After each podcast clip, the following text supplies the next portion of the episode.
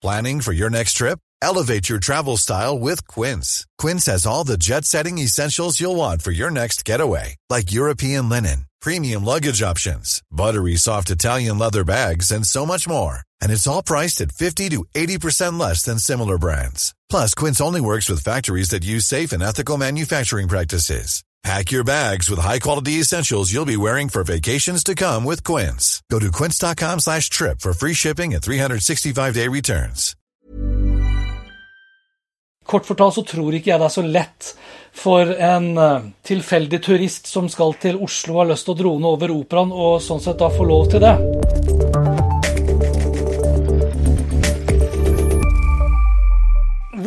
Eller vanskelig tror du det er å få lov til å drone over f.eks. av Den norske operaen? Ikke kjangs, er det korte svaret fra Luftfartstilsynet. Altså Etter at jeg tok for meg et dronebilde over Den norske operaen som Visit Oslo delte på sin Instagram-konto, så bestemte jeg meg for å finne ut om det er grei skuring å få tillatelse til å ta et dronebilde eller en video innenfor flyforbudssonen i Oslo sentrum. Jeg mente den gang at det var uheldig av Visit Oslo å dele bilder som åpenbart er tatt basert på ulovlig droneflyvning. at de er med på i så måte å legitimere nettopp ulovlig droning. Visit Oslo henviste til good faith, at reglene i det siste har blitt strengere, og at den aktuelle dronepiloten, som var en turist på besøk fra Bulgaria, hadde på plass alle nødvendige sertifikater. Og Nå skal ikke jeg ta opp den ballen der igjen, men fokusere på flyforbudssonen over Oslo, som for ordens skyld da har eksistert siden 2007. UAS Norway skrev en sak om flyforbudssonen over Oslo tilbake til 2017, hvor det står i ingressen, og jeg siterer Tenk deg om før du søker om å fly i flyforbudssonen over Oslo. Gebyret på 5000 kroner må betales til Luftfartstilsynet, selv om søknaden blir avvist.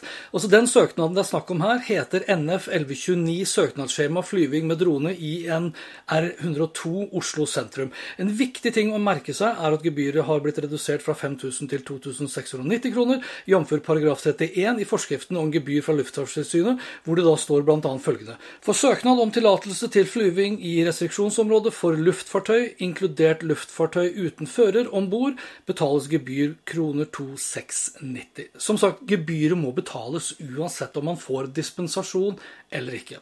Visit Oslo har delt et par dronebilder nå i løpet av 2021 som er tatt helt åpenbart innenfor flyforbudssonen.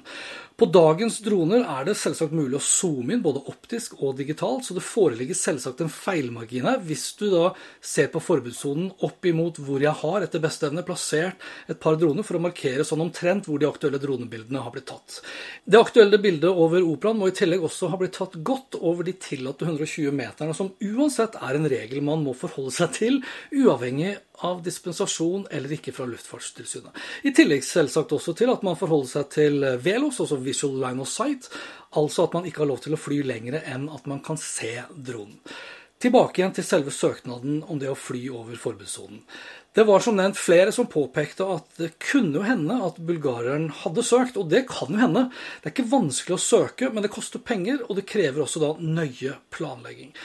I tilfelle til bulgareren, som mest sannsynlig hadde sin drone registrert i Bulgaria og ikke i Norge, så kommer det også da et gebyr, jf. paragraf 29, for privatflyving med utenlandskregistrert luftfartøy på 2220 kroner.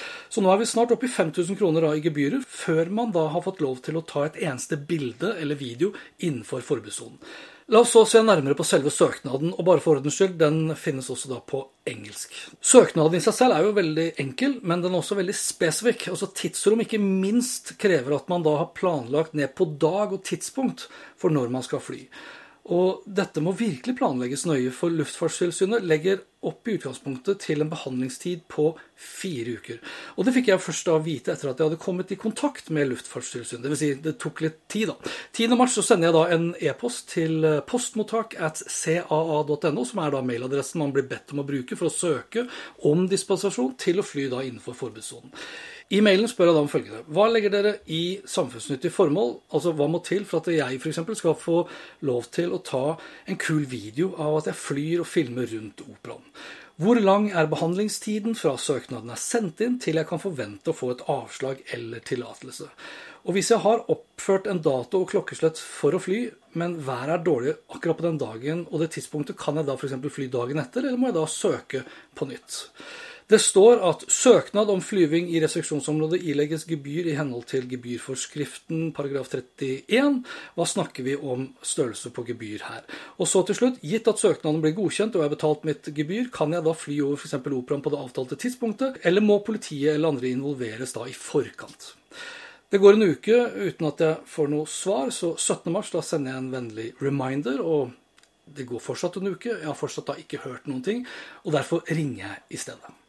Du kommer til arkivet i Luftfartstilsynet. Ja, hei. Mitt navn er Hans Petter Nygaard Hansen. Jeg sendte en e-post til dere for et par ukers tid siden om eh, det å fly over Oslo sentrum. Jaha, en sånn en R102. Lang historie kort, for det tok vedkommende hos Luftfartstilsynet nesten ti minutter på telefon å finne frem til e-posten min, og da den endelig ble funnet, så fikk jeg beskjed om å ringe da den aktuelle saksbehandleren litt senere på dagen, slik at eh, han kunne da hjelpe meg videre. Og i samtalen med han så spurte jeg ganske raskt om det er realistisk for en turist eller en glad amatør som meg sjøl å få dispensasjon til å fly da innenfor forbudssonen. Kort fortalt så tror ikke jeg det er så lett for en eh, tilfeldig turist som skal til Oslo og har lyst til å drone over operaen, og sånn sett da få lov til det. Det tror ikke jeg, da. Ingen sjanse. Ingen sjanse, kan jeg bekrefte med en gang. Ja, ingen sjans, ikke sant? Ingen sjans er jo en grei oppsummering. Da kan jeg jo med ganske så stor sikkerhet konkludere med at de bildene som Visit Oslo har delt på sin Instagram-konto, er da tatt ulovlig. De øvrige spørsmålene som jeg da stilte, de ble vi enige om at han skulle svare på i den e-posten som jeg hadde sendt dem da to uker tidligere. Og litt senere samme dag så fikk jeg også svarene jeg hadde da venta på.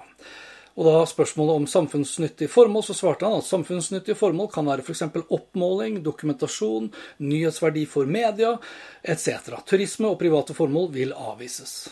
Behandlingstiden, som jeg også da spurte om, så svarte han da at saksbehandlingen er i utgangspunktet fire uker, men ved dispensasjon i restriksjonsområder så anbefaler vi å ta høyde for minst to uker, og tilstreber å ha dette som mål.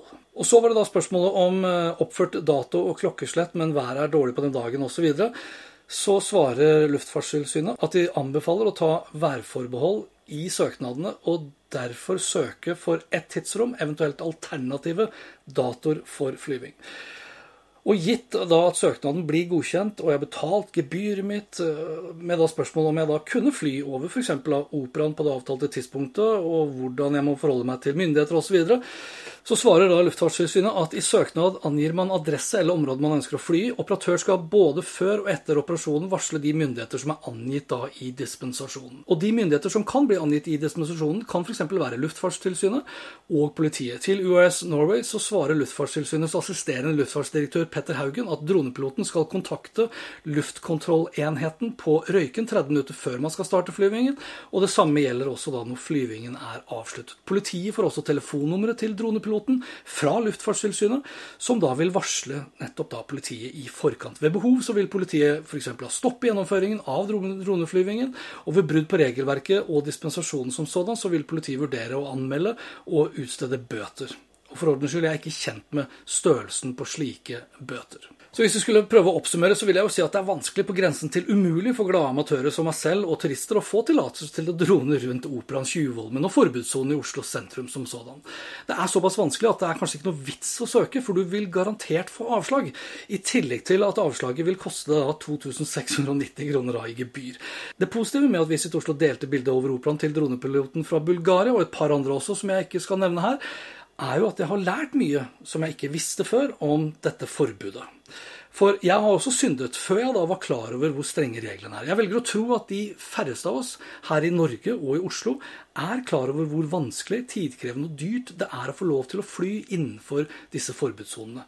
Men nå vet vi. Derimot så burde vi kunne ha forventet at bl.a. Visit Oslo var kjent med disse reglene, gitt at de også da skriver om hvilke regler som gjelder for nettopp da bruk av droner, inkludert forbudssonen over Oslo sentrum. Så neste gang du ser at noen har lagt ut et kult dronebilde eller en kul dronevideo over Operaen, Tjuvholmen osv. innenfor Oslo sentrum, og det ikke kommer fra NRK, TV 2 og andre relevante aktører, så tenk på hva saksbehandleren hos Luftfartstilsynet sa da jeg spurte han om det var enkelt for vanlige folk, vanlige dronepiloter, å få dispensasjon. Ingen sjans, kan jeg bekrefte med en gang. Ja, ingen sjans, ikke sant.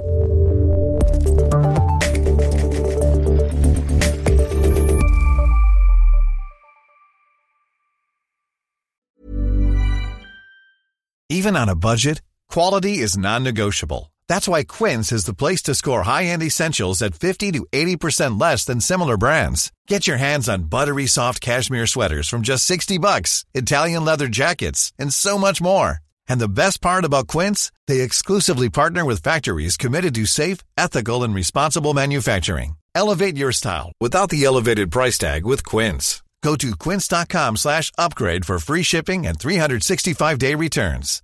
My business used to be weighed down by the complexities of in person payments. Then, Tap to Pay on iPhone and Stripe came along and changed everything.